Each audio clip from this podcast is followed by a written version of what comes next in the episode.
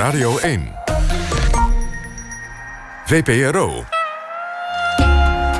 Nooit meer slapen.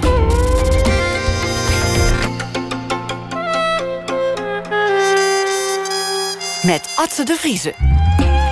Goedenacht en welkom bij Nooit meer slapen. Clarice Lispector was een eh, Braziliaanse schrijver en journaliste.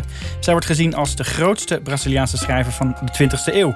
In Nederland weten alleen heel veel mensen dat nog niet. En daar probeert de podcastserie Lees deze verandering in te brengen. We besteden aandacht aan haar na half twee. En tot die tijd spreek ik met A.L. Snijders, de man van het zeer korte verhaal. Door een, een door hem zelf bedacht genre. Of eigenlijk moet ik gewoon zeggen ZKV's. Fans weten dan genoeg. Nee, geen columns, maar verhalen. Ehm, van pak een beet 250 woorden meestal. Een, eh, een pagina. Al willen er soms wel eens een paar woorden net over de rand vallen. Het zijn kleine observaties, herinneringen, anekdotes, stukjes literatuur die hij met ons wil delen. Duizenden schreef hij er al van en 198 daarvan zijn verzameld in een nieuwe bundel. Die heet Doelloos kijken. mooie titel is dat en het zegt iets over de zinloosheid van het leven... het gebrek aan ambitie die de schrijver typeren. Maar het is ook wel een beetje een verkeerde titel... want kijken en observeren is bij Aal Snijders juist niet doelloos. En zelfs de handelingen van een verkeersregelaar bij een afgesloten provinciale weg voor zijn huis zijn namelijk interessant. En door zijn bril begint de wereldvrede een heel klein beetje bij de schuifdeuren van de apotheek rond sluitingstijd. Aal Snijders werd geboren als Peter Cornelis Muller in Amsterdam in 1937, maar inmiddels woont hij alweer bijna vijf decennia in de achterhoek. Welkom. Leuk dat je er bent. Ja, ik vind het ook leuk. Ja, weer 98 korte verhalen, zeer korte verhalen.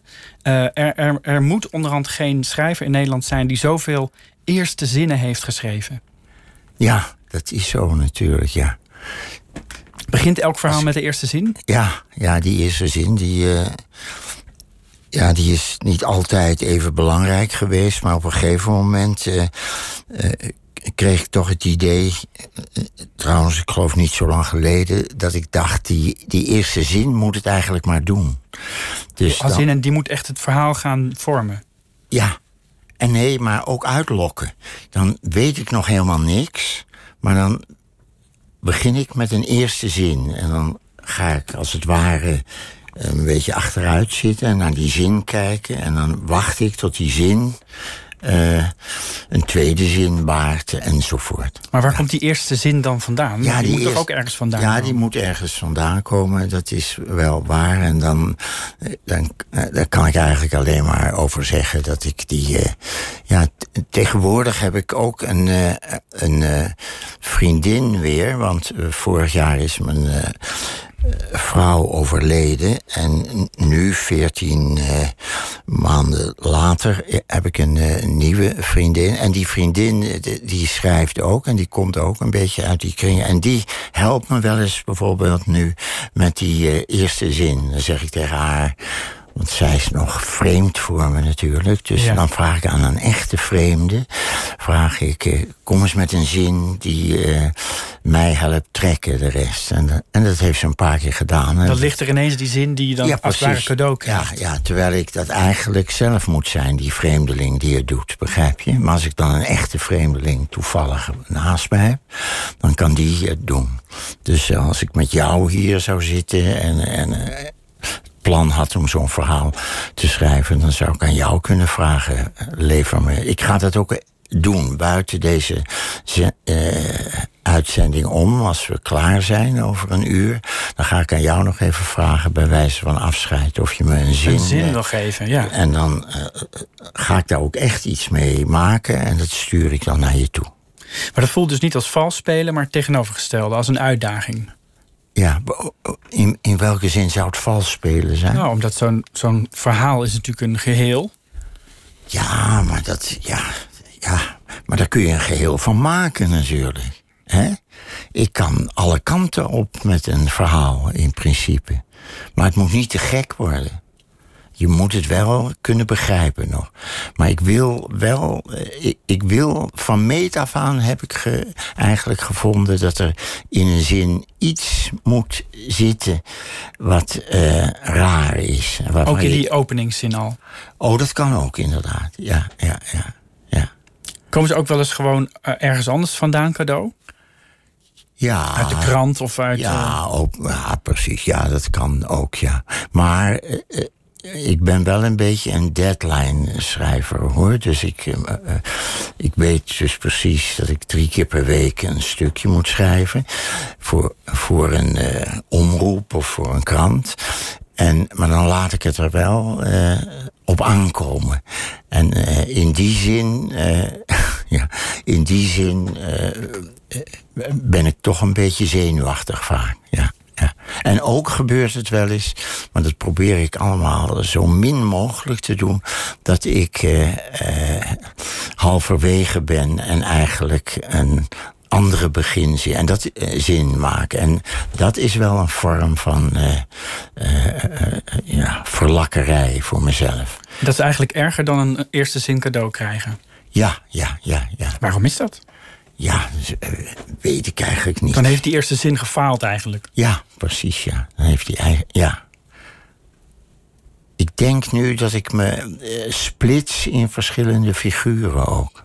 Voor die verschillende publicaties. Ja, ja. Ja, dat voor die publicaties is dat absoluut waar. Ik schrijf dus eh, drie dingen. Voor de KRO schrijf ik een stukje al tien jaar dat ik inlever op zaterdag. Ja, en dan op zondag lees ik het voor. Direct, niet opgenomen of zo. Ze hebben zo'n kastje bij me neergezet. En eh, het, is eh, live dus. En, dus. En soms gaat het mis. Niet met mij zozeer, maar met de verbinding bijvoorbeeld. Omdat het bij ons nog gewoon op een telefoonleiding onder de grond ligt. Nu gaat het allemaal veranderen met het andere spul in de grond. En dan eh, kan het wel eens, eh, ja, dan komt het niet over. En dan gaan ze bellen en dan moet ik het door de telefoon doen. Dat komt wel voor. Maar weinig. Het is een goed kastje. En dan. eh, eh, en dat stukje dat ik daarvoor schrijf is echt erop gemaakt dat ik het moet voorlezen daarna. Dus als ik, woord, als ik woorden heb opgeschreven waarvan ik niet weet hoe je ze eigenlijk uitspreekt, dan, eh, haal ik zo'n woord weg als ik het niet kan vinden. Hè? En eh, verder schrijf ik een eh, stukje voor de, voor de VPRO-gids. En die moet weer aan een bepaald aantal woorden. En het moet over de televisie moet er een rol in spelen. Dus als er een televisietoestel uit het raam gegooid wordt, terwijl het glas er nog in zit, eh, dan. Eh, Dat is genoeg. ja, is al genoeg, ja. ja. Niet Tijdens over geen- een televisieprogramma te gaan of over Nee, een hoeft niet specifieke speciaal. Nee, gebeurtenis. nee, precies. Maar het kan ook andere aspecten van de televisie. eh, hè? Nu heb ik geloof ik bijvoorbeeld, ja, want ik ben zo ook snel klaar. Maar ik heb boven mijn bed heb ik een televisie hangen. In een stalen eh, eh, ding. En die eh, doet het al twintig jaar niet meer. En elke dag neem ik me voor om... Nou, hoe zou ik deze dag nu eens besteden? Ik ga die televisie weghalen, maar het komt er nooit van. En dat is- een onderdeel van dat, eh, van- dat stukje geworden. En dat lijkt me echt...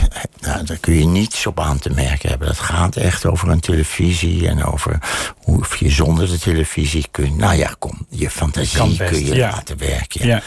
En dan heb ik ook nog een stukje voor eh, die Belgische krant, de Standaard. Standaard. Ja. En dat doe ik ook al een heel tijdje nu. En dat moet vooral een heel klein stukje zijn. Ja, Een zeer, zeer kort verhaal. ja precies, ja. En dat probeer ik. En dan soms dijen ze een beetje uit en zo. Het zijn drie dames die het eh, doen. En... eh, en, en die schrijven heel vaak terug, eh, als ik het opgestuurd heb, wat ze ervan vinden. En nu pas heeft eh, een van die eh, dames die heeft eh, gezegd... ik vind het altijd zo leuk, want ze zijn heel persoonlijk... als er eh, een gedicht in voorkomt. Ja, of een deel van een gedicht. Dat doe ik zelf ook heel graag. Ja. Ja, en toen heb ik er een heel stel eh, vragen gesteld. eh, heb ik daarop gereageerd. En toen heb ik ook verteld, gezegd, hoe lang moet ze eigenlijk zijn? En daar geeft ze dan geen antwoord op. En dan, eh, nou, klaar. Dan, Ja, dan, dan moet je het zelf Ja. mag je het zelf bepalen. Ja. Die gedichten, hè, want er zitten heel vaak flarden van gedichten, Ja. flarden van verhalen. ja. Zitten die allemaal in het hoofd? Of moet, dat, moet je dat opzoeken? Of hoe, hoe, hoe gaat dat? Nee, sommige uh, zitten in het hoofd. Maar uh, ik hou bijvoorbeeld heel erg van uh, Chinese gedichten. vooral als ze duizend jaar oud zijn, vind ik ze fantastisch. of Japanse, hè, dat, dat soort. En zo'n man als uh, zo spreek ik het maar even uit. Dat was een man die in, de, in die tijd dat hij leefde, ik geloof zo'n beetje bij 700, ja, uh, was hij onvoorstelbaar beroemd. Absoluut vergelijkbaar. Superster. Ja. ja. met Mick Jagger te vergelijken. Ja, want dat uh, zag ik vanmiddag ook weer ergens staan. Wat die, dat prostituees, maar die dan heel chic waren die eh, verhoogden hun prijzen als een beroemd gedicht van hem eh, over het verdriet of zo, wat ook dan iedereen kende. Als zij dat konden reciteren, dan, werden, dan waren ze meer waard. Dat soort dingen. En, hey, en ook kinderen kenden ze en zo. En ze, en ze zijn tot op de dag van vandaag zo beroemd ook nog. Nou ja, maar eh, om even bij de vraag te blijven, oh. zitten ze in het hoofd of nee, niet? Ja, vaak niet. Waar, waar ik nou namelijk zo benieuwd naar ben, omdat het geheugen vaak in veel van die verhalen zo'n rol speelt. Een hoofdrol, een bijrol, ja. in wat voor vorm dan ook. Ja. Um, en nu helemaal omdat ik dus 82 word uh, volgende maand of in uh, september.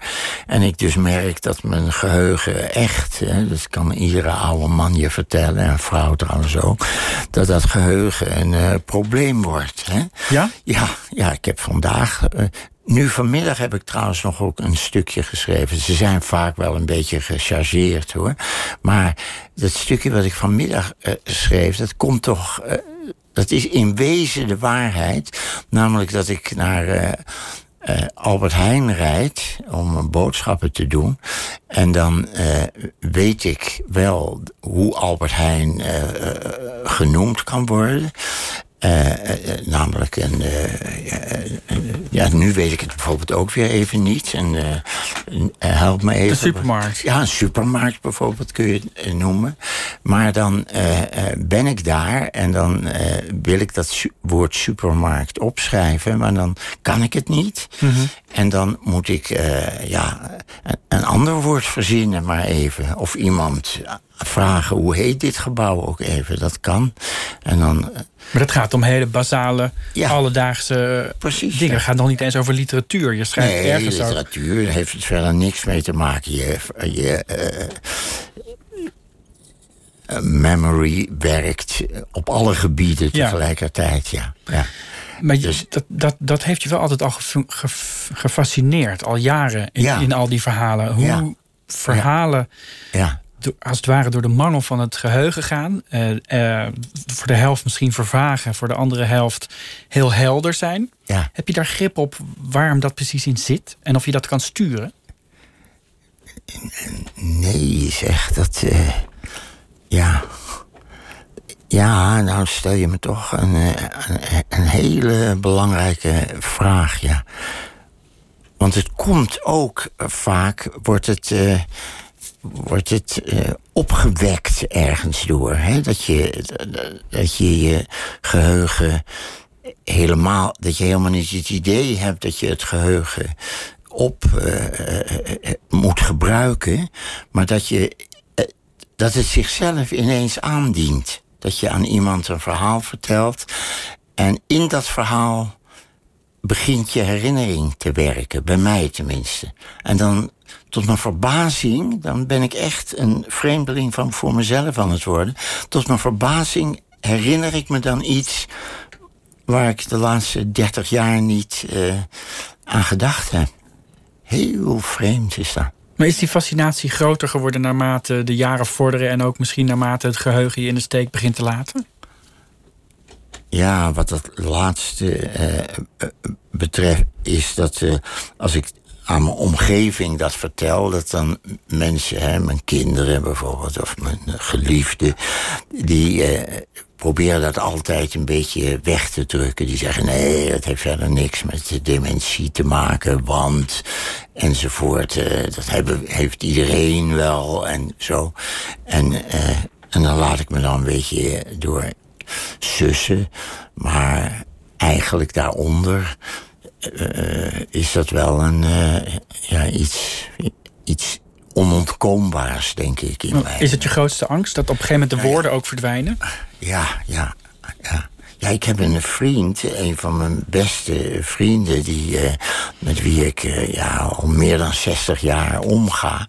En uh, hij heeft een, een, en ik zie het, een dementie is hij aan het oplopen en dat verandert steeds. En ik zie hem dan en dan en luister naar hem. En dan herken ik allerlei dingen in zijn manier van starten en manier van kritiek hebben. Maar in die zin uh, zie je hem slap worden. En dat hij, Raakt hij de draad kwijt terwijl je er naar zit te kijken Precies, ja. ja. En hij ontdekt het zelf ook. Want hij heeft dan ook nog een bepaald type... waarin je altijd ook een moment houdt dat je nog terug kan kijken naar jezelf. Want er zijn een heleboel. En nou ja, als je dat van heel nabij meemaakt, dan zie ik geen reden om jezelf buiten schot te houden. Tenzij je volkomen uh, geneigd bent om jezelf te bedonderen. Maar ja, dan krijg je gewoon de cijfertjes uit de kranten en op de tv van zoveel mensen per enzovoort. Ja, dus in die zin, het is geen echte angst voor me hoor.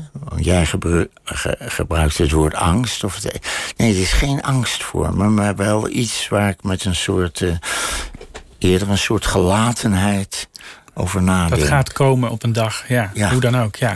Nou, je schrijft ergens dat je hoopt dat Neschio en Willem Elschot als laatste, als alle schrijvers al verdwenen zijn uit je geheugen, nog zullen blijven.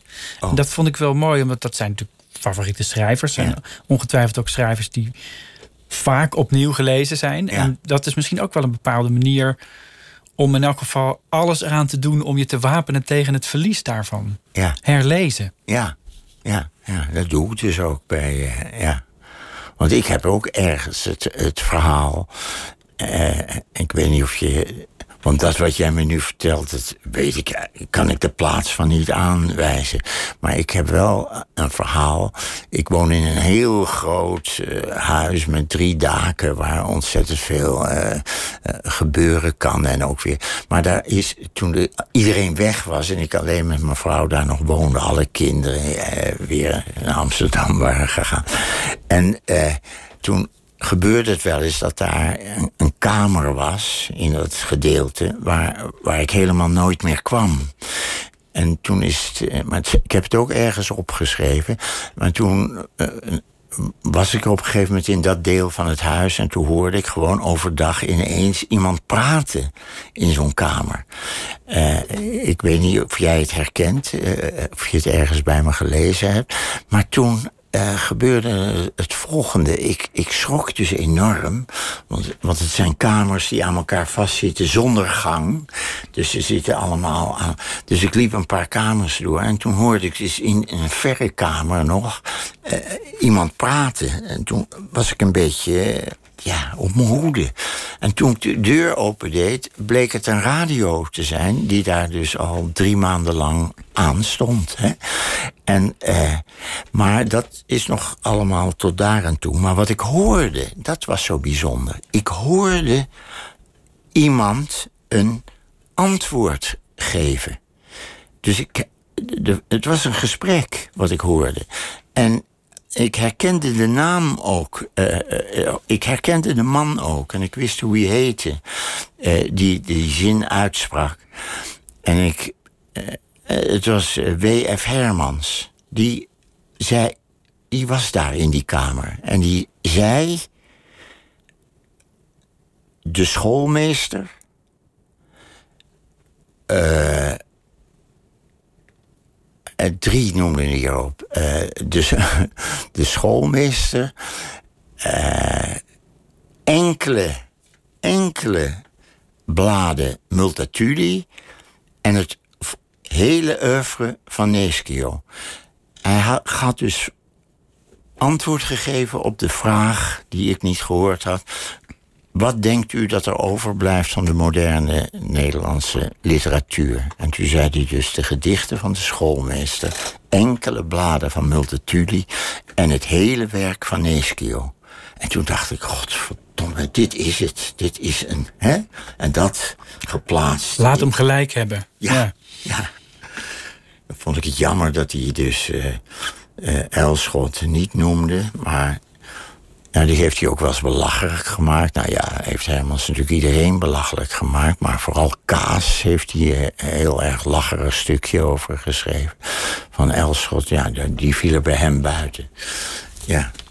Zou je een zeer kort verhaal uit de nieuwe bundel willen voorlezen? Ja, dat heb ik uitgekozen.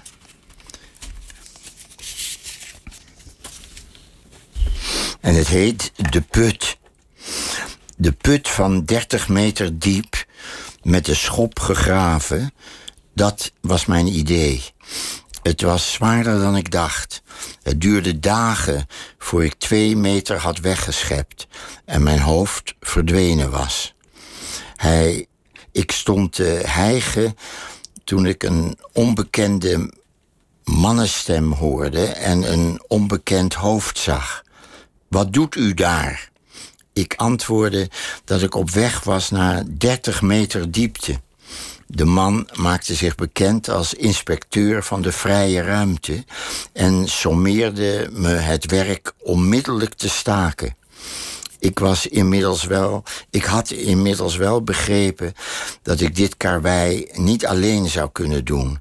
Ik had hulp van boven nodig om het zand af te voeren. Ik zou een stellage moeten bouwen voor de katrol die ik nodig had om elke emmer zand naar boven te takelen. En ik zou iemand moeten vragen om die emmer te legen. Aldoende leert men. Ik vroeg de man of hij me zou willen helpen. Zijn stem klonk geïrriteerd. Ik ben bevoegd u te sommeren het werk te staken. Maar ook zonder deze bevoegdheid zou ik u dringend verzoeken uit de put te klimmen en uw plan op te geven. Het is zeer gevaarlijk wat u doet. Als u bedolven zou worden door het zand, zouden mensen u proberen te helpen met gevaar voor eigen leven. Ik realiseerde me dat ik geconfronteerd werd met een ethisch probleem.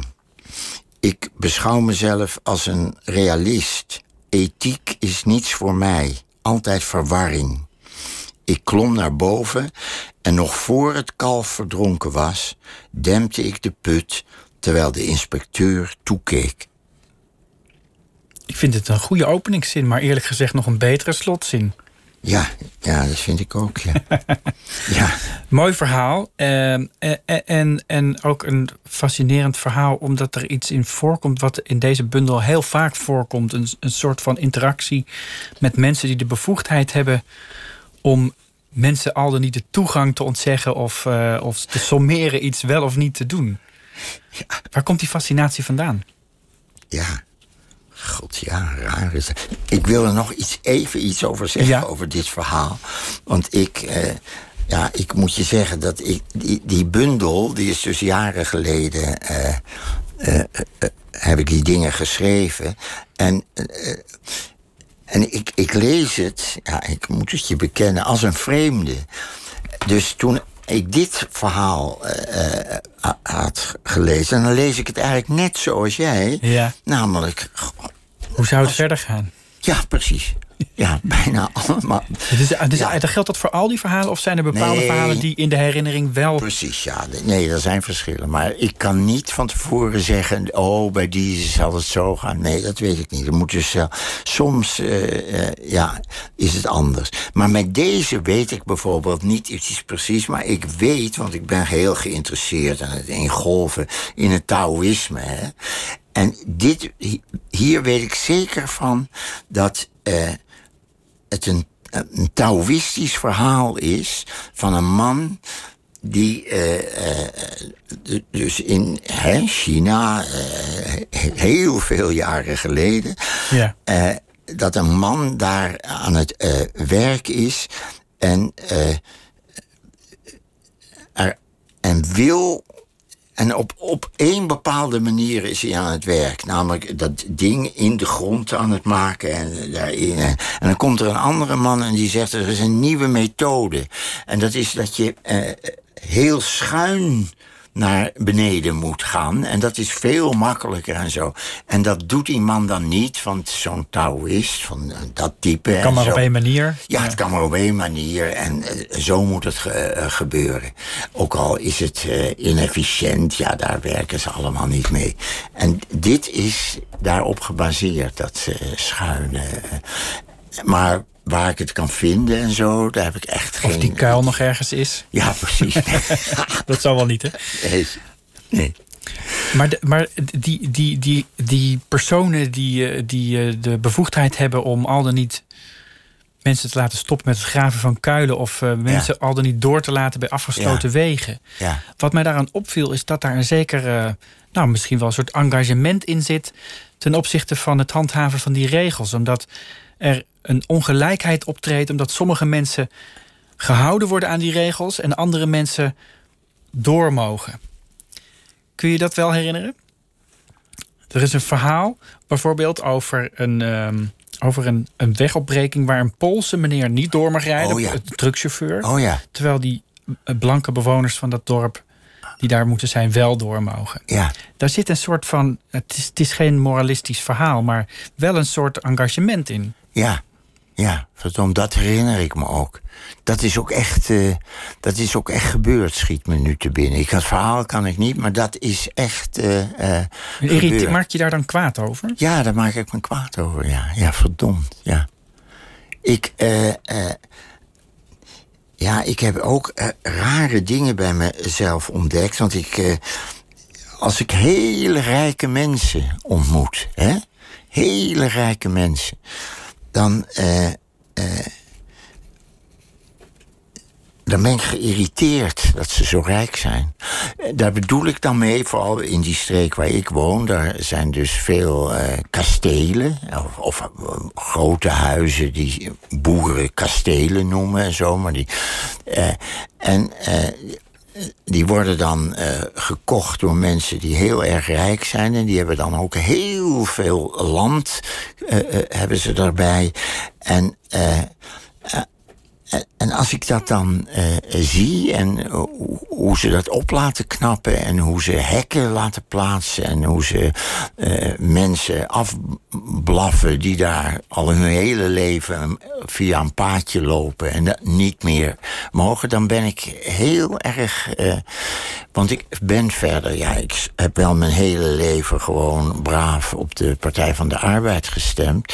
Maar verder ben ik geen, eh, geen echte eh, politiek dier. Hè? Ik, eh, het interesseert me wel, maar het interesseert me vooral de uitwassen interesseren me. En eh, de dingen die niet deugen. En socialisten die de baas spelen. Dat, dat Een omgekeerde versie van de werkelijkheid zou moeten zijn. Ja, precies, ja. Dus Maar het gaat ook vaak op microniveau, zoals al die verhaaltjes natuurlijk op microniveau gaan. Een alledaagse ja. gebeurtenis en niet een grote politieke gebeurtenis. Ja, ja, ja, precies. En dan, eh, ja, dan zie ik eh, dat soort dingen ook ge- gebeuren. En dan ben ik daar. En dat bijvoorbeeld, ja, dat, van die Polen. Dat ging dan over hun taal, begrijp je? Die man die dus daar bij dat hek stond. En dat was zo'n man in zo'n hesje. En die doet ook gewoon zijn werk. En. eh, en die mensen kunnen dus niet uitleggen waar ze naartoe moeten. En dan moet, worden ze niet toegelaten. En dan, als ik in de buurt ben, ik geloof dat dat toen gebeurd is, dan bemoei ik me ermee. En dan ga ik eh, aan die man uitleggen dat zij toch ook eh, rechten hebben. En dat ze dan. Dat die dat, en dan omdat ik dat doe en algemeen beschaafd Nederlands spreek en zo. En een Dan beetje- mag, jij, ja, ja, dan Dan- mag je wel door. En niet mag ik door, maar dan mogen die Polen door. Precies. We gaan er even uit Oh, voor ja. het nieuws. De belangrijke zaken van de wereld. Ja. En dan praten we verder. Met Aal Snijders. Oké.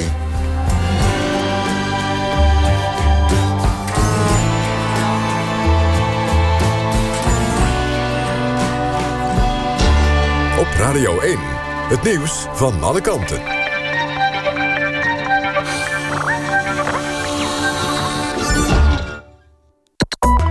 1 uur, Levi van Eck met het NOS-journaal. President Trump heeft met Boris Johnson gebeld... om hem te feliciteren met zijn aantreden als premier van Groot-Brittannië. Trump zegt dat ze het met elkaar hebben gehad... over een nieuw handelsakkoord dat nodig is als de brexit een feit is. Volgens beide leiders is de brexit een grote kans... om de economische banden tussen de VS en Groot-Brittannië te versterken. Trump en Johnson spraken ook over de oplopende spanning met Iran... die ontstond na de recente entering van een Britse olietanker... in de straat van Hormuz. Een vrouw van 52 uit Noord-Holland is gisteren verongelukt in de Italiaanse Alpen. Ze gleed uit en viel 100 meter naar beneden in een kanaal. De vrouw was met haar man en twee kinderen een bergwandeling aan het maken... toen het op 1800 meter hoogte misging. Een plaatselijke reddingsdienst kon niets meer voor haar doen. Haar gezin is opgevangen. In Libië zijn de lichamen van tientallen verdronken migranten aan land gebracht. Volgens hulporganisatie De Rode Maan zijn er 62 lichamen uit water gehaald. Donderdag verdronken daar voor de kust naar schatting 100 tot 150 opvarenden van drie boten die aan elkaar vastzaten. Vermoedelijk waren er bijna 400 mensen aan boord. Libische vissers en de kustwacht wisten nog zo'n 140 migranten te redden. Stichting Wakker Dier pleit voor een nationaal hitteplan voor dieren. Daarmee zou een betere koeling van stallen moeten worden afgedwongen. De afgelopen dagen kwamen er duizenden kippen en varkens om... doordat ventilatieapparatuur uitviel. Volgens Wakker Dier hebben boeren zich het afgelopen jaar... onvoldoende voorbereid op extreme hitte. Ook onderzoekers van de Wageningen Universiteit... pleiten daarom voor meer technische aanpassingen in de stal... zoals een generator die meteen aanspringt als de stroom uitvalt. Het weer. Vannacht blijft het op de meeste plaatsen droog. Het koelt niet verder af dan 20 graden. Overdag wordt het in het zuidwesten 23 tot 27 graden. In het noorden en oosten blijft het tropisch met 30 tot 32 graden. Dit was het NOS Journaal. NPO Radio 1. VPRO. Nooit meer slapen.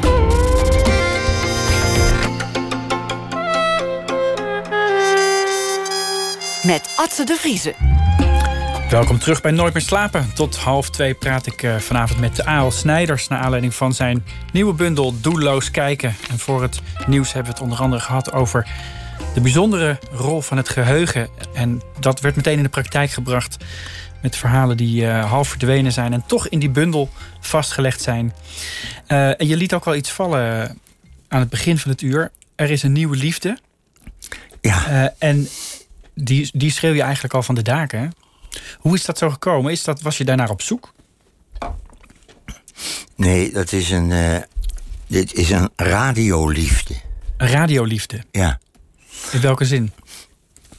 Nou, ik. Uh, uh, ik lees, ik geloof wel tien jaar zo'n beetje. Ja, want het begon.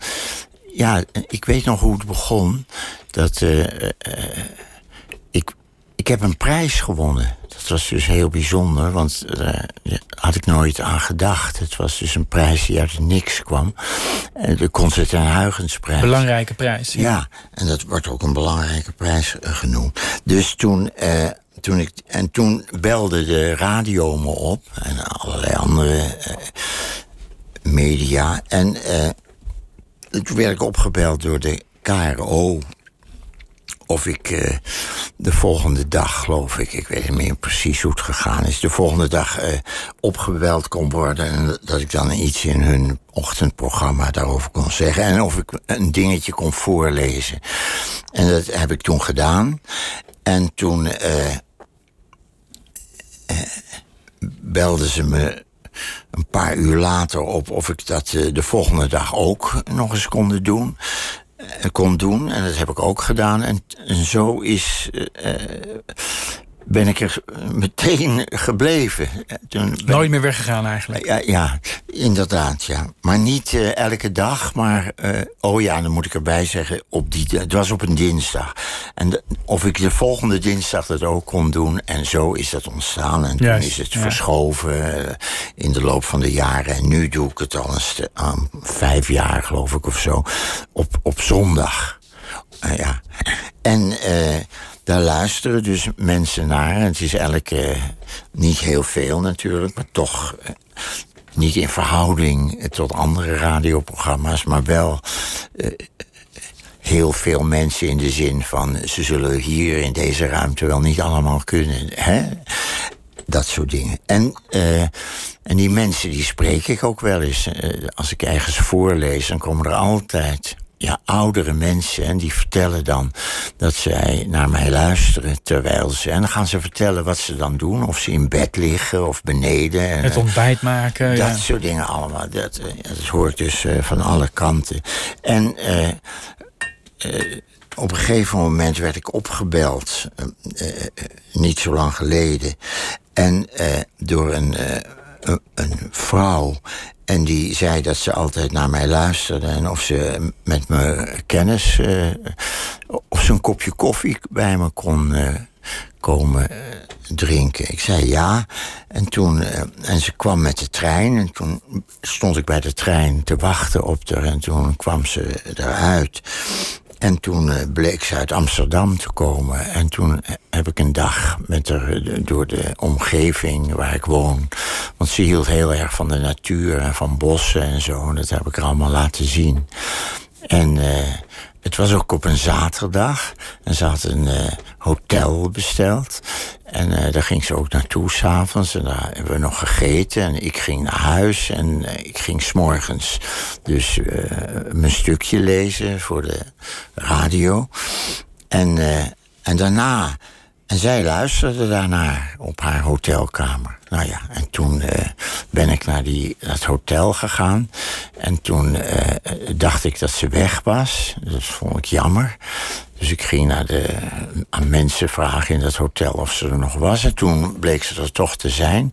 En toen dacht ik, nou, nu moet ik doortastend zijn een keer in mijn leven. Want dat ben ik nooit. En ik eh, ben geen eh, 16 meer.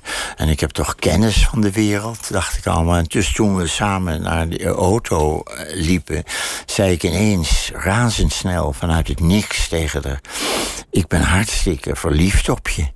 En nou, dat was een, een, enorme klap voor haar. En ze wist niet hoe ze daarmee om moest gaan. Maar ze vertelde toch dat het eigenlijk bij haar ook zo was.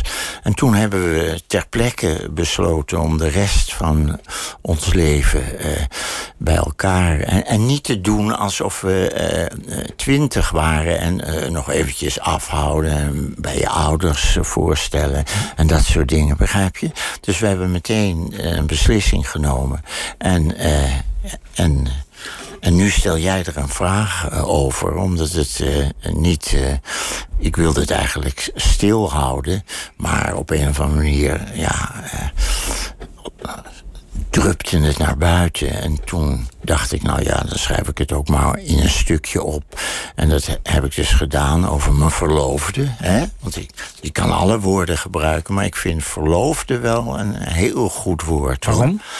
Nou ja, dat, dat zal ik je vertellen. Omdat ik uh, uh, tientallen jaren geleden een stel vrienden had. Ja, misschien wel veel langer geleden nog, maar een stel vrienden had. Die uh, veel vriendinnen hadden. Uh, elke week wel een stuk of uh, drie, vier verschillende. En daar praten ze over. Ik hoorde niet tot die groep, maar ik kende ze wel. En dan praten ze dus steeds over die vrouw als verloofde. En op dat moment kreeg dat woord verloofde, wat in gereformeerde kringen en zo dus heel ernstig is. En uh, bij serieuze mensen hadden zij uh, uh, grappen gemaakt. Voelt lekker luchtig, dat woord. Ja, precies. Ja, mijn verloofde. Het was ook ja, knipogen en grappig en zo. En. En ik had daar nooit uh, aan meegedaan. Maar nu dus, uh, twee maanden geleden, toen uh, dacht ik... ja, dat is een heel goed woord. Want ja, ik ben... En daarom... Maar ik gebruik ook het woord vrouw en vriendin en van alles. Hè? Het geeft dus aan dat wij meteen eh, tot daden zijn overgegaan. En, Er is eigenlijk geen tijd meer om het lot te werken, om het lot te tarten. Waarom zou je dat nog doen? Precies, ja. ja we, als je twintig bent, dan heb je nog het idee dat je 80 wordt. Maar als je 80 bent, weet je dat je geen 120 wordt. Dus moet je, sterker nog, de kans, hoe het statistisch zit, weet ik niet. Hoe oud ik zal worden. Maar zij is dus 75 en ik ben 81. En, uh, en toen is er toch iets merkwaardigs ontstaan. Uh, onder mensen van onze leeftijd. Die zijn ineens, ja, lees je nu, of je bellen je op, of je hoort er praatjes om. Die vinden het fantastisch dat we dat gedaan hebben. Omdat uh, al die, want die zijn zelf ook zo. En dat betekent dus dat er hoop is dat je gewoon dat kunt doen. Verliefd kunt worden. Op, ja. ja. ja. Ja, en zo is die situatie dus uh, nu. En in de taxi hierheen uh, vertelden we dit verhaal. Want die man vroeg waarvoor ik hier kwam, een boek en zo. En toen kwam dit ook ter sprake. En hij moest lachen en lachen. En hij vond het een fantastisch verhaal. En het sneed hout, vond hij en zo. Dus uh, misschien luistert hij nu wel, want hij brengt me straks ook weer terug met z'n tweeën. En dan kunnen we nog eventjes. Uh, uh, want ook die dame met wie ik praatte van dit programma, die bracht dit ter sprake. Dus ik dacht, oh, gaan we, gaan we over die boeg? Hè? En dat blijkt dan zo te zijn. Dus. Wat is de Nou ja, reden dat je het gevraagd Het hebt? gaat mij niet, natuurlijk, het gaat mij niet zozeer om, om nou eh, de, de, de, de privé uit te hangen en, Oh. eh, en, en de, ro- Ja, ja. de laatste roddels eh, buiten te zetten. Maar, Maar- het fascineert me wel, ook omdat ik merk ook als ik die verhalen lees, dan die gaan heel vaak over jezelf. Ja. Maar ik heb ook heel vaak het gevoel dat ze de, de grote gebeurtenissen in je leven juist wegblijven. Bijvoorbeeld, Ja. je zei het net al, je, je, je vrouw is eh, Ja. vorig jaar overleden. Ja. En de, deze bundel Ja. speelt eigenlijk, die, die, die verhalen zijn ook gedateerd. Je kunt precies zien wanneer ze geschreven zijn. Ja. En ik zat al te bladeren van, want ik- Oh ja. ja, wa- wat zie ik eigenlijk daarvan terug? Ja. En dan zie ik eigenlijk bijna niks terug. Nee. Dus over het Ja. algemeen schrijf je over jezelf. wat je zegt, ja. Ja. Behalve dat er ineens Ja. verrassend veel kraaien opduiken in die verhalen. Dat kan geen toeval zijn. Oh, ja. oh, is dat zo? Dat is zo. Nou, dat heb ik nog nooit gehoord. Ja, is dat zo? Maar Er komen wel heel veel kraaien altijd eh, in, eh, in mijn omgeving. eh, ja. Maar je zegt, je hebt wel meteen over je verloofde geschreven, Ja, ja. maar niet over de ziekte van je vrouw bijvoorbeeld. Waarom Nee. eigenlijk niet? Nee. Dat vond ik te privé toen. Ja. Ja. En dan moet jouw vraag natuurlijk zijn: is dit dan niet te privé? Ja, waar, waar is, wat is dan het verschil? Ja, dat is. eh, dat is het verschil tussen leven en dood. Dit is leven. Begrijp je? Ik heb nu bijvoorbeeld een eh, stukje eh, geschreven vanmorgen. waar zij ook weer in voorkomt. En. En dat is niet verzonnen, maar dat gaat over een, eh, een brief die ik heb gekregen van een mevrouw vandaag. En die las ik. En die mevrouw schrijft over, over mij, niet over deze zaak, maar over mij. En die stuurt me ook een, eh, een dingetje mee, een fotootje van een eh, tang, Tengeli-ding uit Basel. En dan, eh, dat stukje eindig ik dan dat ik tegen mijn eh, geliefde zeg. eh, koop voor over een paar dagen een treinkaartje naar Basel. Want dan gaan we naar dat beeld kijken wat ik net heb gekregen.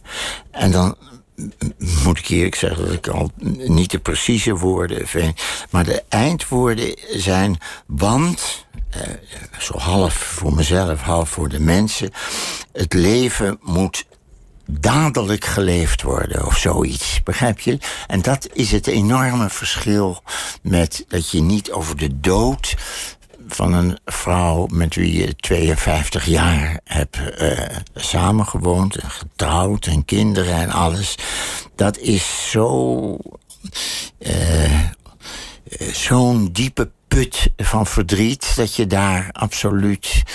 eh, dat ik daarna, daarover niet wilde praten. Eh, maar dit is het tegendeel daarvan. Het, eh,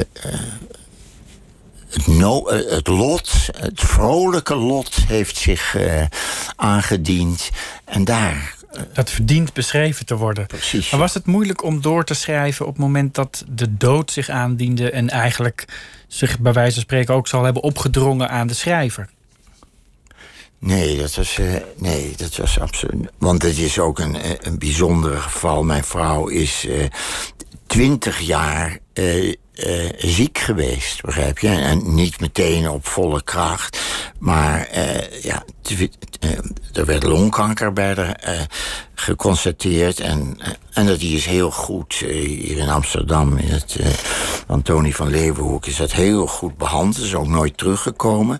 Maar die enorme zware dingen die ze heeft moeten meemaken. dus de dingen eromheen, de ziektes eromheen die daar ontstonden. Dus dat was een heel langzaam wurgend eh, proces. En dat, eh, nogmaals, dat, dat wilde ik eh, privé houden ook. Begrijp je? Ook omdat woorden dingen oproepen. En als je dus in eh, een positie van geluk bent, dan eh, moet je die woorden juist gebruiken voor dat geluk. Maar als je in een positie van ongeluk bent, moet je die woorden niet gebruiken om dat ongeluk nog te, eh, eh, ja, dit is mijn, te, accentueren, maar het een beetje ook voor haar het erbuiten te houden, denk ik. Ik zou me ook kunnen voorstellen dat juist niet over die dingen schrijven ook een manier is waarop de zeer korte verhalen, de ZKV's, zich onderscheiden van de vele columns van mensen die juist wel over dat soort dingen schrijven. Ja, ja, Is dat zo? ja. Ze- Wat, wat is het begin? Er zijn van heel die veel zin? mensen Ja, die hun, ja, hun, die schrijven hun- over hun over, verdriet, ja. over het verlies van hun kind of over het, de grote dingen in, juist de grote dingen in hun leven. Ja, en daar he- hebben ze, neem ik aan, eh, daar kunnen ze troosten uithalen. Denk je niet? Ik denk het. Ja. En dat kon ik niet. Nee? Nee, dat kan, eh, nee, voor mij is dat. eh, ik lees dat soort dingen natuurlijk ook nooit, dat begrijp je. Want ik. eh, nee, ik. eh, nee, ik heb er trouwens helemaal niet zo erg over nagedacht.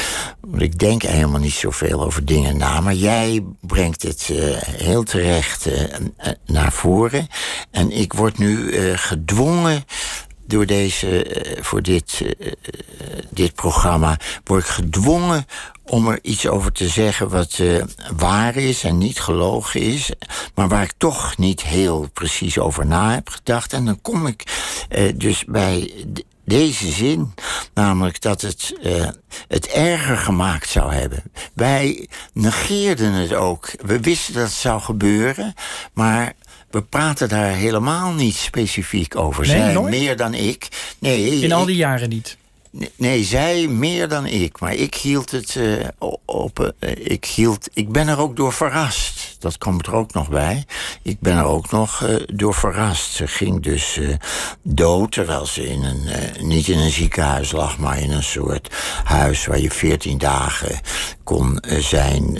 En, en daar was ze. En de dokter had gezegd dat ze absoluut niet dood zou gaan die nacht. En ik geloofde dat en ik ging naar huis. Er zijn geen garanties voor, hè? maar Nee, nee. En toen is, het, eh, wel dood gegaan. En eh, toen werd ik opgebeld en ben ik daar naartoe gegaan. Nou ja, toen is Maar dat was ook erg eh, kenmerkend wat er gebeurde. Dus dat ik... terwijl ik er twintig jaar in las, ben ik er toch door verrast. Zo ver ging mijn ontkenning, als het ware. Ja. Ik ben van ontkenning in eh, bevestiging. eh, eh.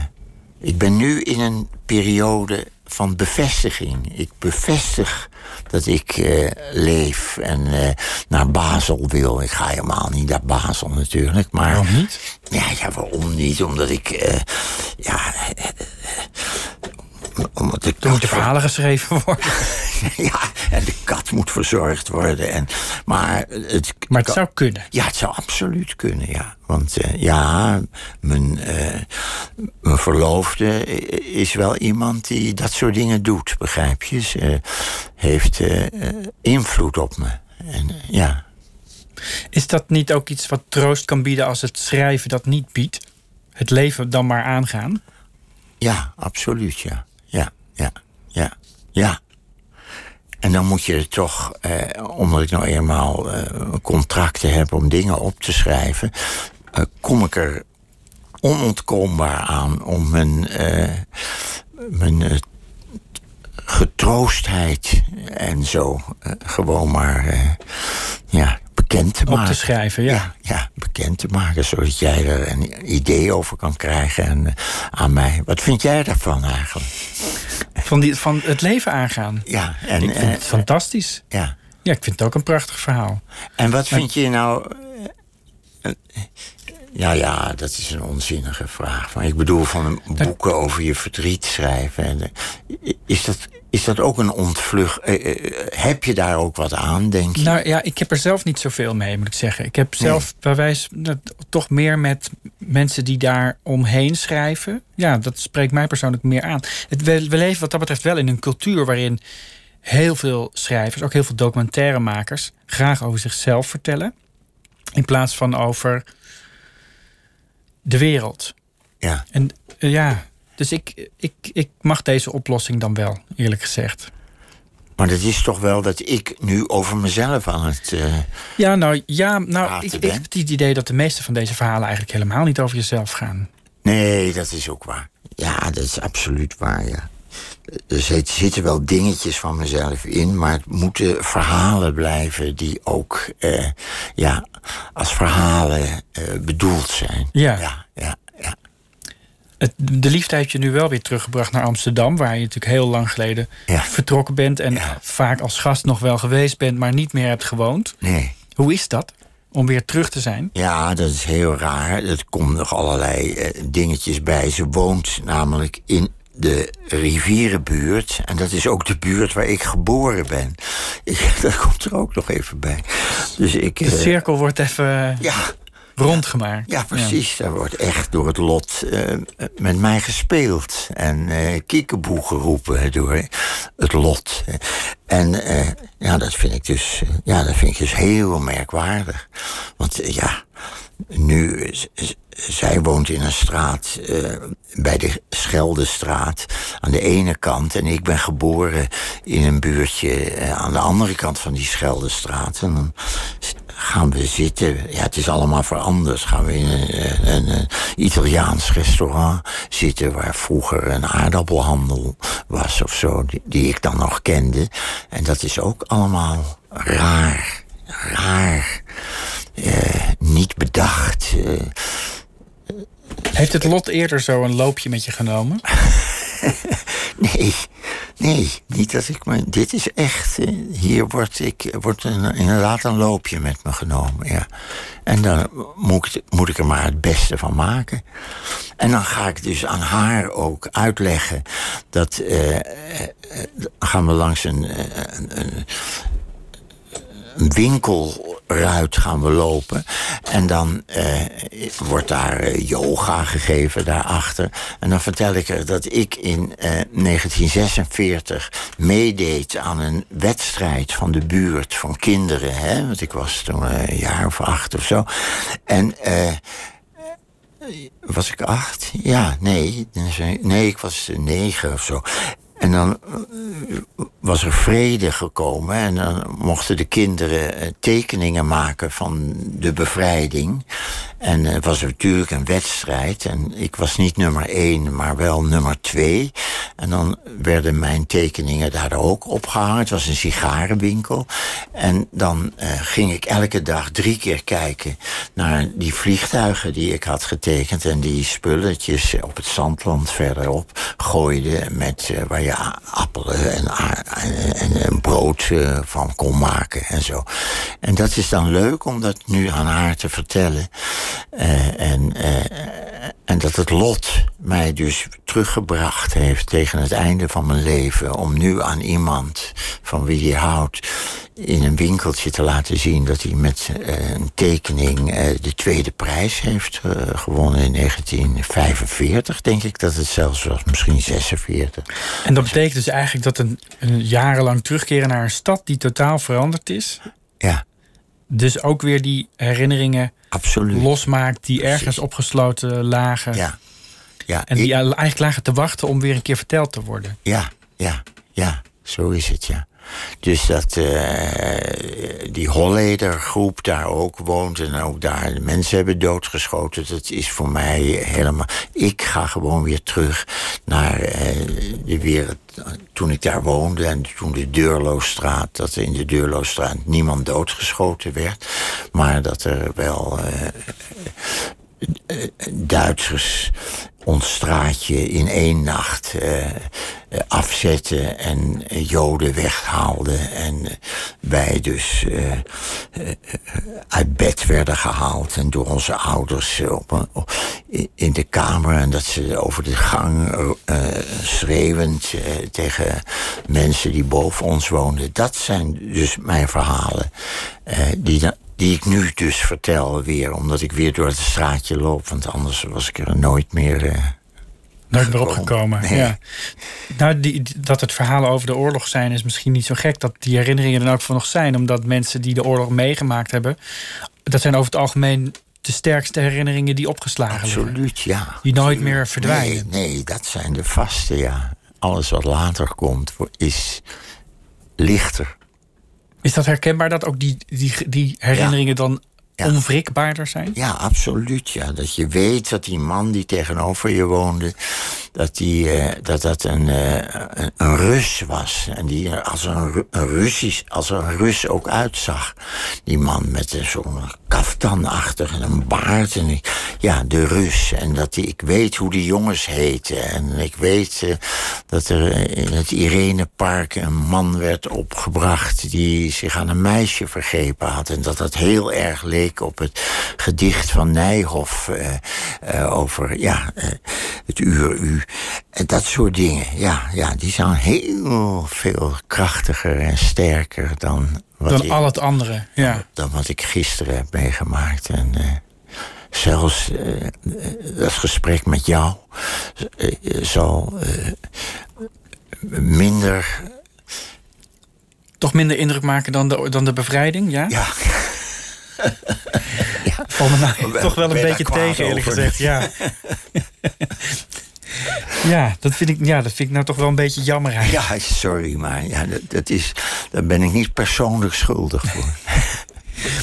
maar die, die, die, die, dat lot, om daar nog even op terug te komen, dat vastgrijpen van het lot, dat is ook iets wat, wat, wat, je, wat je fascineert. En waar, waarvan ik me ook kan voorstellen dat als je daar vaak over schrijft en je, en je, je, je afvraagt, als je bij wijze van spreken een zwerver op straat tegenkomt en je afvraagt, goh, waarom is hij een zwerver en ik niet? Ja. Dat je al schuldig voelt dat hij, dat je hem iets geeft eigenlijk.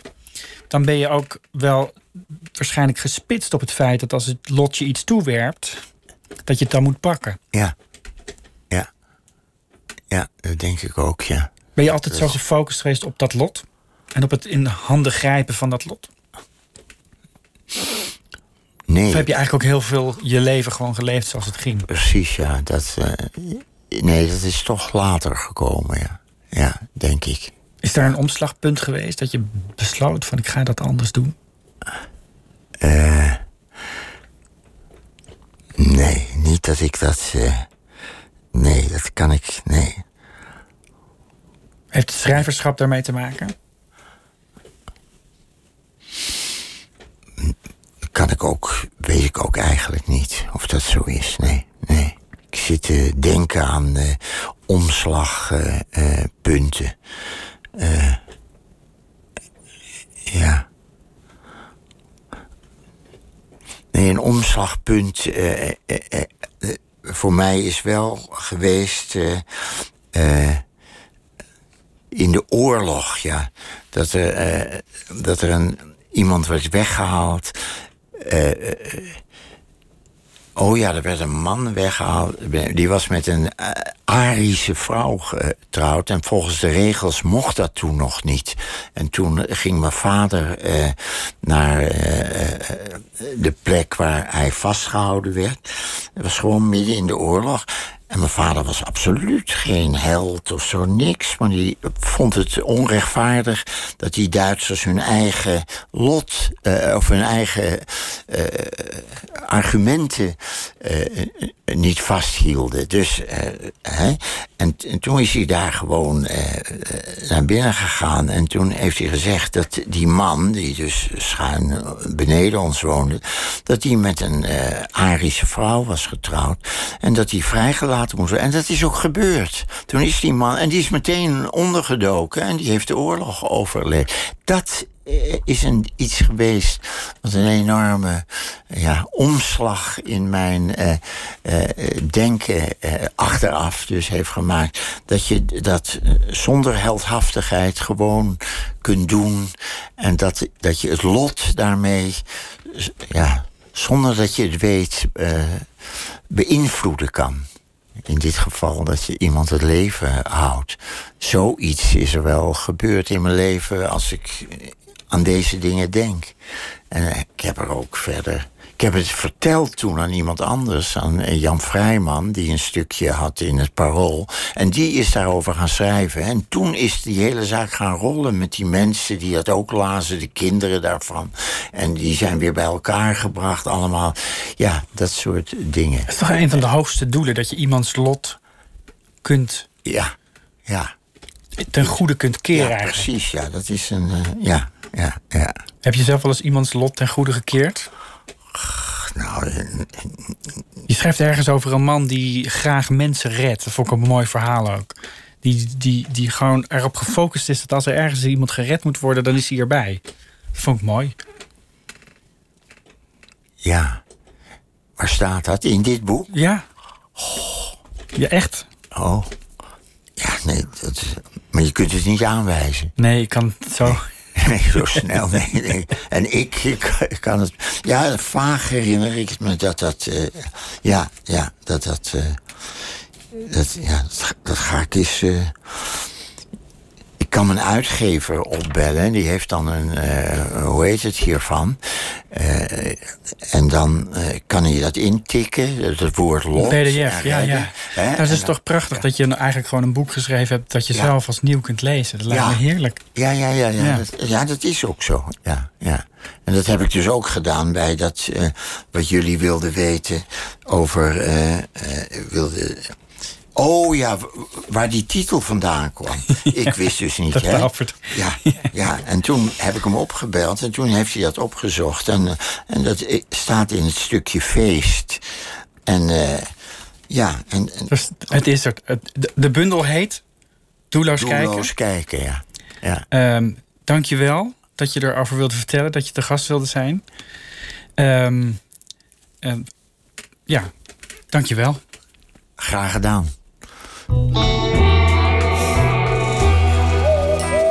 We gaan naar muziek van Donna Blue. Duo van uh, Nederlandse bodem is elkaars muze, geliefde en collega. En van hen drijven het nummer 1, 2, 3. Of eigenlijk 1, 2, 3.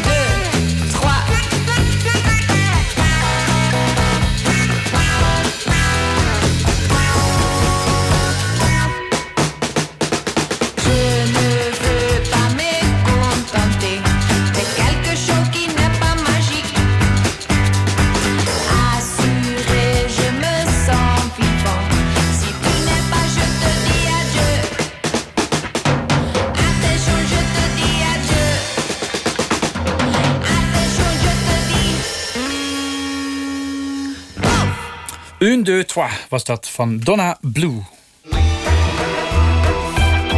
Nooit meer slapen.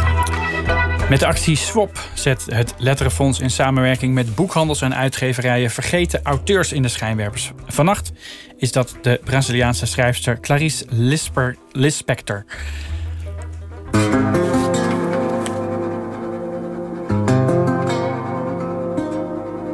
Aan eventuele lezers.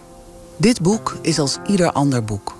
Maar ik zou blij zijn als het alleen zou worden gelezen door mensen met een volwassen ziel. Degene die weten dat je alles, wat dan ook, stapsgewijs en moeizaam benadert. Waarbij je ook door het tegendeel van wat je wilt heen moet. Die mensen, en alleen zij, zullen heel langzaam begrijpen dat dit boek niemand iets afpakt. Mijzelf bijvoorbeeld heeft het personage GH heel geleidelijk een vreugde bezorgd, die ongemakkelijk was, maar wel vreugde heet. De wonderlijke opening van de roman De Passie volgens G.H. Geschreven door de Braziliaanse schrijfster Clarice Lispector. Die leefde van 1920 tot 1977. Hoezo zou een roman lezers iets afpakken? En wat dan wel?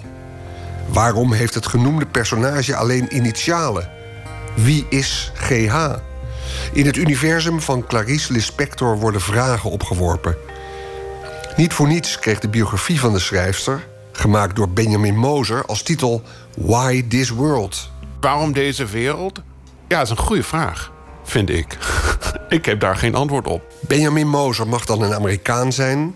Hij is columnist van de New York Times Book Review.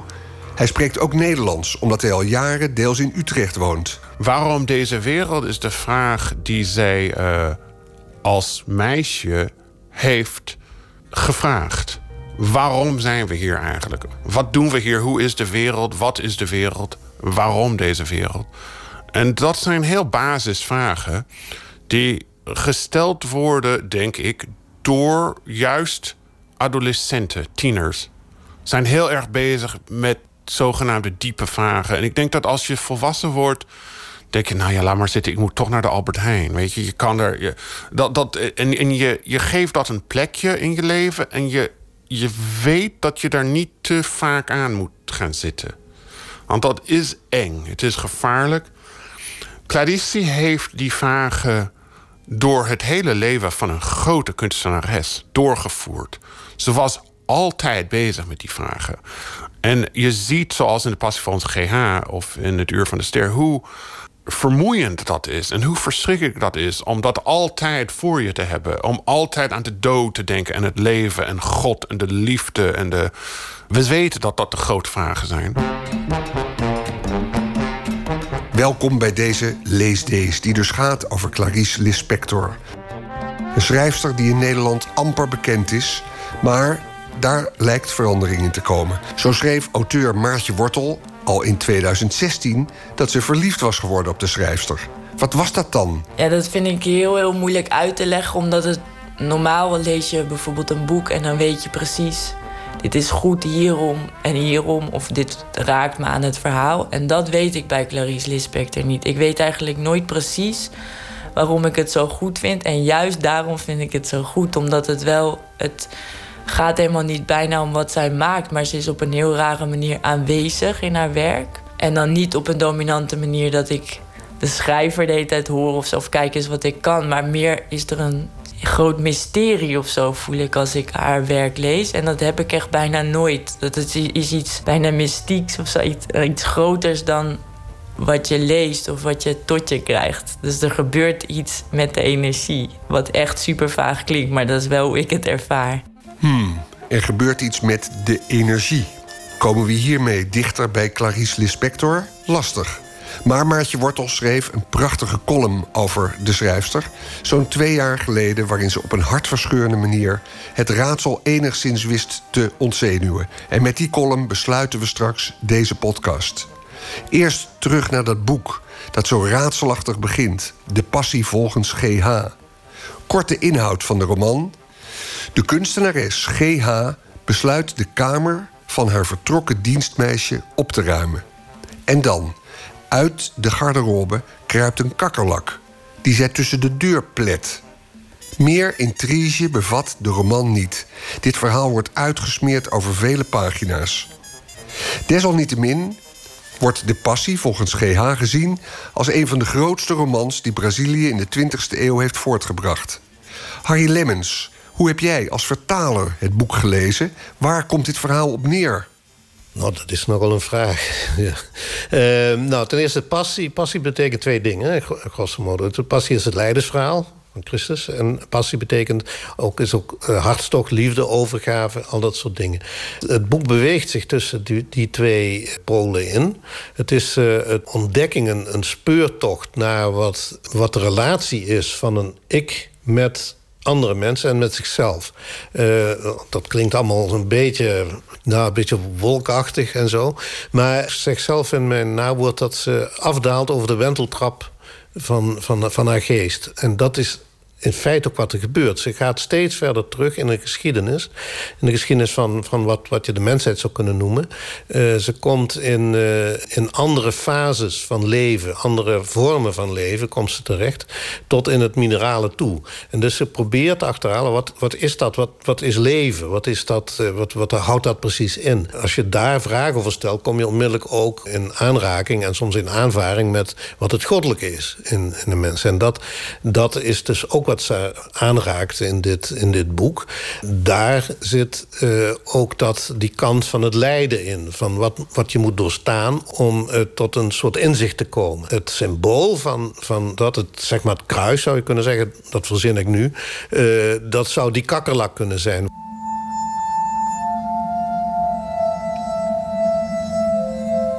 Ik keek wantrouwig rond. Er zat dus een kakkerlak in de kamer. Of zaten er meer? Waar? Achter de koffers misschien? Eén, twee, hoeveel? Achter de roerloze stilte van de koffers was het misschien helemaal donker van de kakkerlakken. Doodstil op elkaar? Hele lage kakkerlakken, waardoor ik ineens moest denken aan wat ik als kind een keer had ontdekt toen ik de matras waarop ik sliep optilde. Het donker van honderden en nog eens honderden op elkaar gestapelde bedwansen. Die armoe van mij als kind, met wansen, kakkerlakken en ratten, was, nu ik eraan terugdacht, als een prehistorisch verleden. Ik had al samengeleefd met de eerste dieren op aarde. Eén kakkerlak?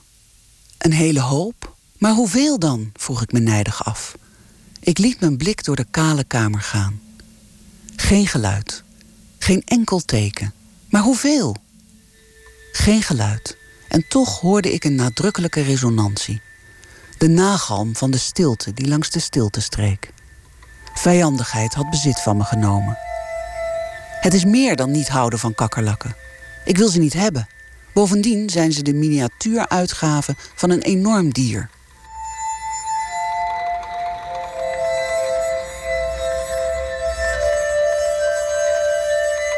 We hebben hier gehoord uh, een, een, een, vrouw die, die, die uh, als het dood is voor kakkerlakken... dat die kakkerlakken, dat is ook iets van, van uh, autobiografisch. Omdat ze, uh, ze wordt bijna geobsedeerd door kakkerlakken. Dus in, in haar chronieken, de ontdekking van de wereld... schrijft ze een paar keer over kakkerlakken. Ze heeft bijvoorbeeld een, een manier ontdekt om ze de dood in te jagen het, is, het staat bijna symbool voor, wat, wat, voor alles wat vies of onrein is. Waar ze ook in de passie volgens GH op uitkomt op een bepaald moment. Hè, welke dieren onrein zijn. En, en, dat is dan weer een duidelijke verwijzing naar de Bijbel, naar de Joodse traditie. Van welke dieren je moet afblijven en welke dieren je moet mijden enzovoort. Dus dat, dat is, wordt nu gedwongen om, om iets te doen met een dier dat onrein is. Waar zij angst voor heeft, waar ze van walgt. En daar moet ze iets mee doen. En dan ontstaat er geleidelijk aan, ze komt gaat er steeds verder mee aan, aan het werk van wat, wat is dat nou eigenlijk, die kakkerlak? Waarom ben ik daar bang voor? Wat, wat is mijn verhouding daarmee? Op een bepaald moment komt ze tot een, een bijna een sacraal iets. Bijna een, een, en daar komt de katholieke uh, naar, voren, bijna een, een misoffer wat uh, gebracht wordt.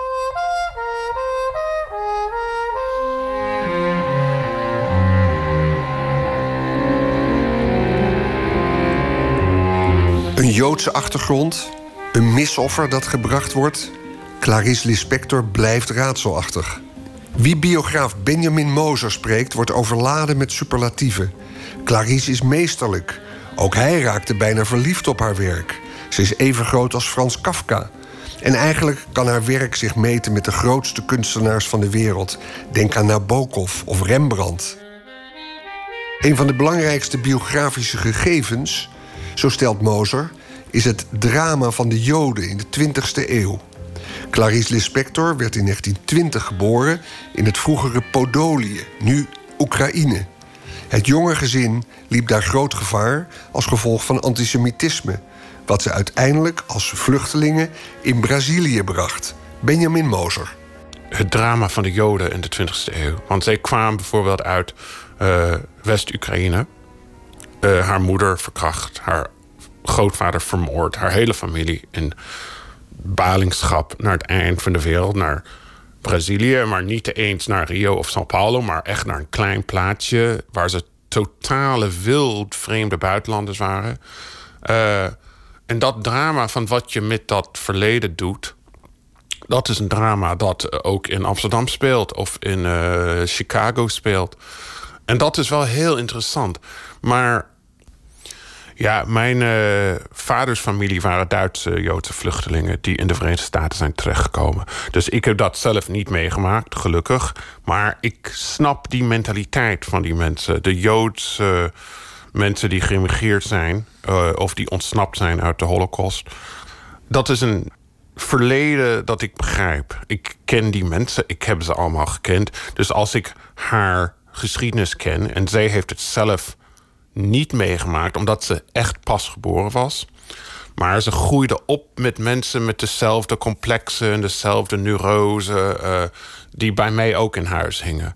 Dus wat dat betreft. Uh, maar ik ben in een totaal ander land opgegroeid. Ik ben in de Verenigde Staten opgegroeid. En ik ben in de jaren 80 opgegroeid en is in de jaren 20 opgegroeid in Brazilië. Dus tot daar en toe is het niet hetzelfde. Maar uh, toch zijn er dingen die ik heel erg in haar herken. Inzoomend op dat boek De Passie volgens GH. Wie GH is, komen we niet te weten. Dat wonderlijke verhaal van een kunstenares die een kakkerlak beziet, daar angst voor heeft ontwikkeld. Jij hebt het eerder genoemd een vorm van atheïstische religie. Wat bedoelde je daarmee? Ja, dat heb ik dus ook, nu we in Nederland zijn, kan ik dat zeggen. Dat heb ik ook een beetje aan Spinoza ontleend. Want dat is een boek, eh, één vertaling van Spinoza had Clarice zelf ontdekt toen ze een jaar of twintig was. En ik heb het in haar bibliotheek teruggevonden met hartstikke hevige onderstrepen en sterretjes en al. Je ziet dat dat haar echt raakte. Ook een verhaal van Joodse balingschap trouwens, Spinoza. Uh, dat was het idee dat God niet iemand of iets is, maar dat God de wereld is. Dat zegt Spinoza en dat herhaalt Traditie steeds in haar boeken, tot het allerlaatste boek, het, Uur van de Ster. Dat God die energie is die de wereld in beweging heeft gebracht. En dat God hetzelfde is in de ingewanden van de kakkerlak als uh, in mijn eigen bloed en botten. Dat is iets wat totaal geen naam heeft. Daarom heeft GH ook geen echte naam. Uh, dat is een beestachtige, onverklaarbare, uh, onnoembare energie die de wereld uh, is. Het heeft de wereld niet geschapen. Uh, het is gewoon dat gevoel of dat ding wat de wereld verbindt. En dat is heel eng, want wij zijn ook onze kleding en we zijn onze namen en we zijn ons kapsel en we zijn ons baantje en onze positie in, de, in het gezin of in de samenleving. Dat, dat is een heel enorm groot deel van wie wij zijn. En als dat allemaal wegvalt, zoals in het geval van GH, is dat ongelooflijk eng en, en, en afschuwelijk. Maar het is ook de manier om jezelf te verenigen met wat je eigenlijk bent. Want je eigenlijk, als je mij openmaakt met een zwaard of zo, nou, je vindt geen ziel. Je vindt niks behalve bloed en een soort enge dingetjes waar ik nu, diegene die met jou spreekt, ik heb daar echt geen verstand van wat dat allemaal aan het doen is. Het is allemaal dingen, mijn organen zijn bezig en mijn aderen doen allemaal dingen. Ik heb er totaal geen verstand van. Maar toch is dat wat ik ben. En het is heel eng om jezelf zo te, te, te, te, te formuleren. Maar het is ook een ongelooflijk boek. Omdat het laat zien dat dat belangrijk is, maar ook dat je eigen vormgeving belangrijk is. Je naam en je, je, je kleding en je stem en je, alles wat je menselijk maakt. Maar God voor haar is niet menselijk. God is juist gewoon die energie uh, die door de wereld zoomt, zonder dat we enig begrip van kunnen hebben. Een man heeft ooit tegen me gezegd dat er in de Talmud wordt gesproken over dingen die je niet veel mensen kunt vertellen. Andere die je een paar mensen kunt vertellen en weer andere die je niemand kunt vertellen. Ik voeg eraan toe, bepaalde dingen wil ik niet eens mezelf vertellen. Ik heb het gevoel dat ik een paar waarheden weet, maar ik weet niet of ik die geestelijk kan begrijpen. En ik moet nog wat rijper worden om dichter bij die waarheden te komen die ik al wel aanvoel. Maar waarheden hebben geen woorden. Waarheden of de waarheid? Nee, denkt u nu niet dat ik over God ga praten. Dat is een geheim van mij. Het wereldbeeld dat zij schept, is dat zwartgallig? Ja, dat is het leuke van haar. Totaal niet. Het is hartstikke leuk. Het is doodeng. En het is echt... Je kan het niet... Je kan de hele dag niet mee zitten. Maar het is ook hilarisch en het is zwart en grappig. Maar op de manier die uh, Kafka dat ook is. Want er zijn die verhalen van Kafka dat Max Brood uh, verteld had. Dat toen hij zijn stukjes in de cafés in Praag voorlas kreeg iedereen gewoon een slappe lach van. En je leest het nu niet. Huh. Maar dat is ook iets wat Clarice met Kafka verbindt. Niet alleen die kakkerlak, wat een heel een vrij obvious symbool is. Maar ook dat in die ellende of in die ellende wil ik misschien niet noemen, omdat het is gewoon zo. We gaan allemaal dood. We zijn gewoon hier even. En ja, daar kan je niks aan doen. Maar daarbinnen is er enorm veel humor. En heel veel, uh, meer dan humor, maar, maar schoonheid. Dat is wat zij naar voren brengt. Haar zus, Elisa, die ook een schrijfster was... die ook die ellende van de Oekraïne van veel dichterbij had meegemaakt... omdat ze ouder was. Die schreef ook boeken. En je ziet dat zij een beetje dezelfde wereldbeeld heeft als Cladici. Maar zij heeft dat leuke niet. Terwijl met is altijd leuk. En ze kan de gekste, verschrikkelijkste dingen zeggen. En het is gewoon geweldig. Wil Harry Lemmens hier nog wat aan toevoegen? Ik zou het bij God niet weten. Ik, ik, ik zou zeggen, nou, je moet. Kijk, ik, ik, ik vind literatuur is belangrijk je moet literatuur lezen. Omdat literatuur dingen verwoordt die mensen... Uh, die, die leven in mensen. En, uh, of op zijn minst kunnen leven in mensen. Soms ook moeten leven in mensen. En dat is, dat is de kracht van, van literatuur, van goede literatuur. En de, de goede literatuur die maakt onrustig goede literatuur die, die, die roept angst op of maakt... De, de, goede literatuur is geen feel-good literatuur. Feel-good literatuur is onzin. Daar, daar, word je, daar word je niet goed van. Maar dat is, eh, dat even terzijde, maar dat, dat is een steeds sterkere tendens om literatuur in die hoek te gaan schuiven. Literatuur moet angst aanjagen. Moet iets teweeg brengen bij jou wat, wat je vragen laat stellen en wat je, wat je ongemakkelijk maakt, uh, aan het twijfelen brengt. Goede literatuur geeft geen, biedt geen zekerheden. Goede, goede literatuur stelt altijd vragen.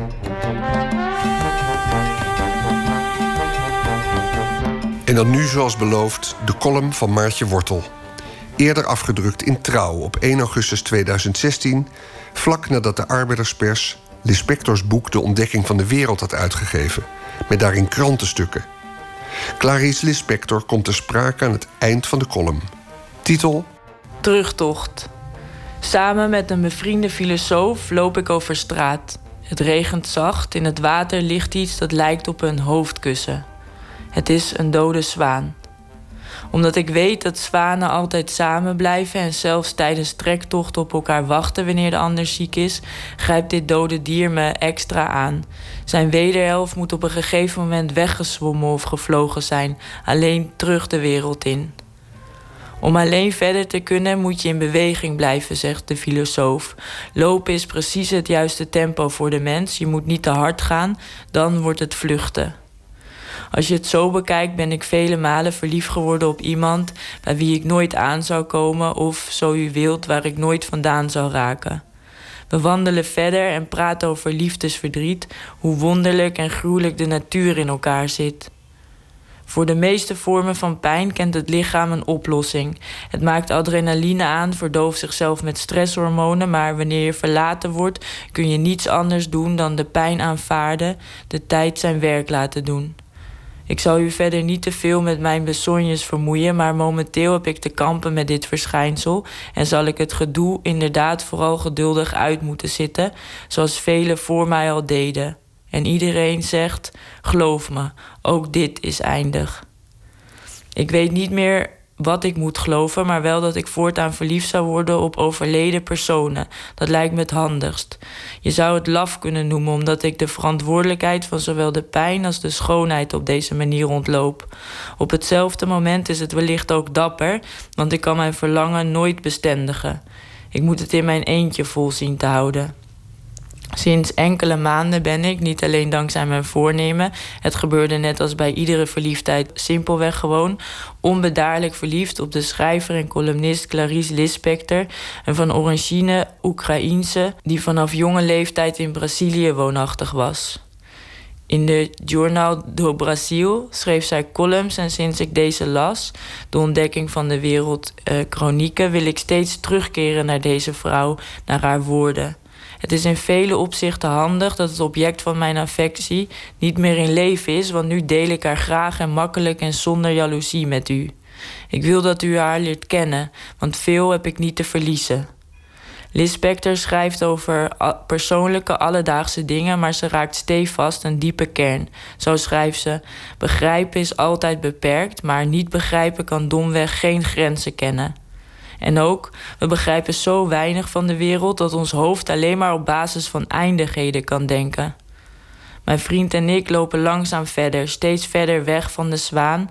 En ik probeer even niet aan eindigheden te denken, maar aan alles wat achter dat einde, een liefde, een leven, te vinden is. Ik gok een nieuw begin.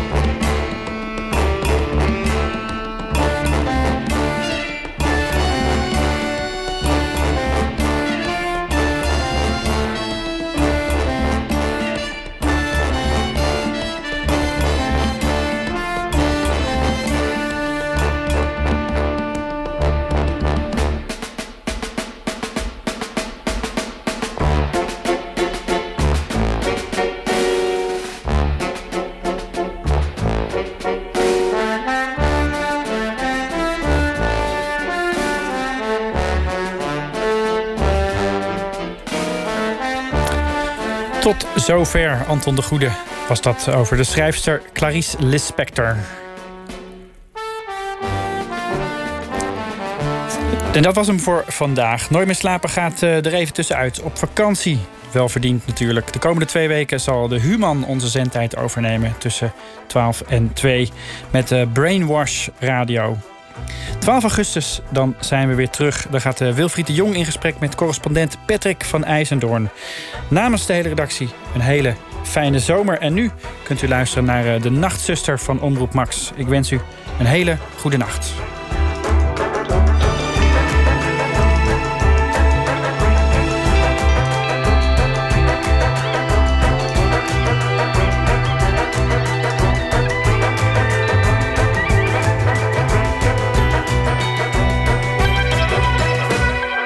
Radio 1, het nieuws van alle kanten.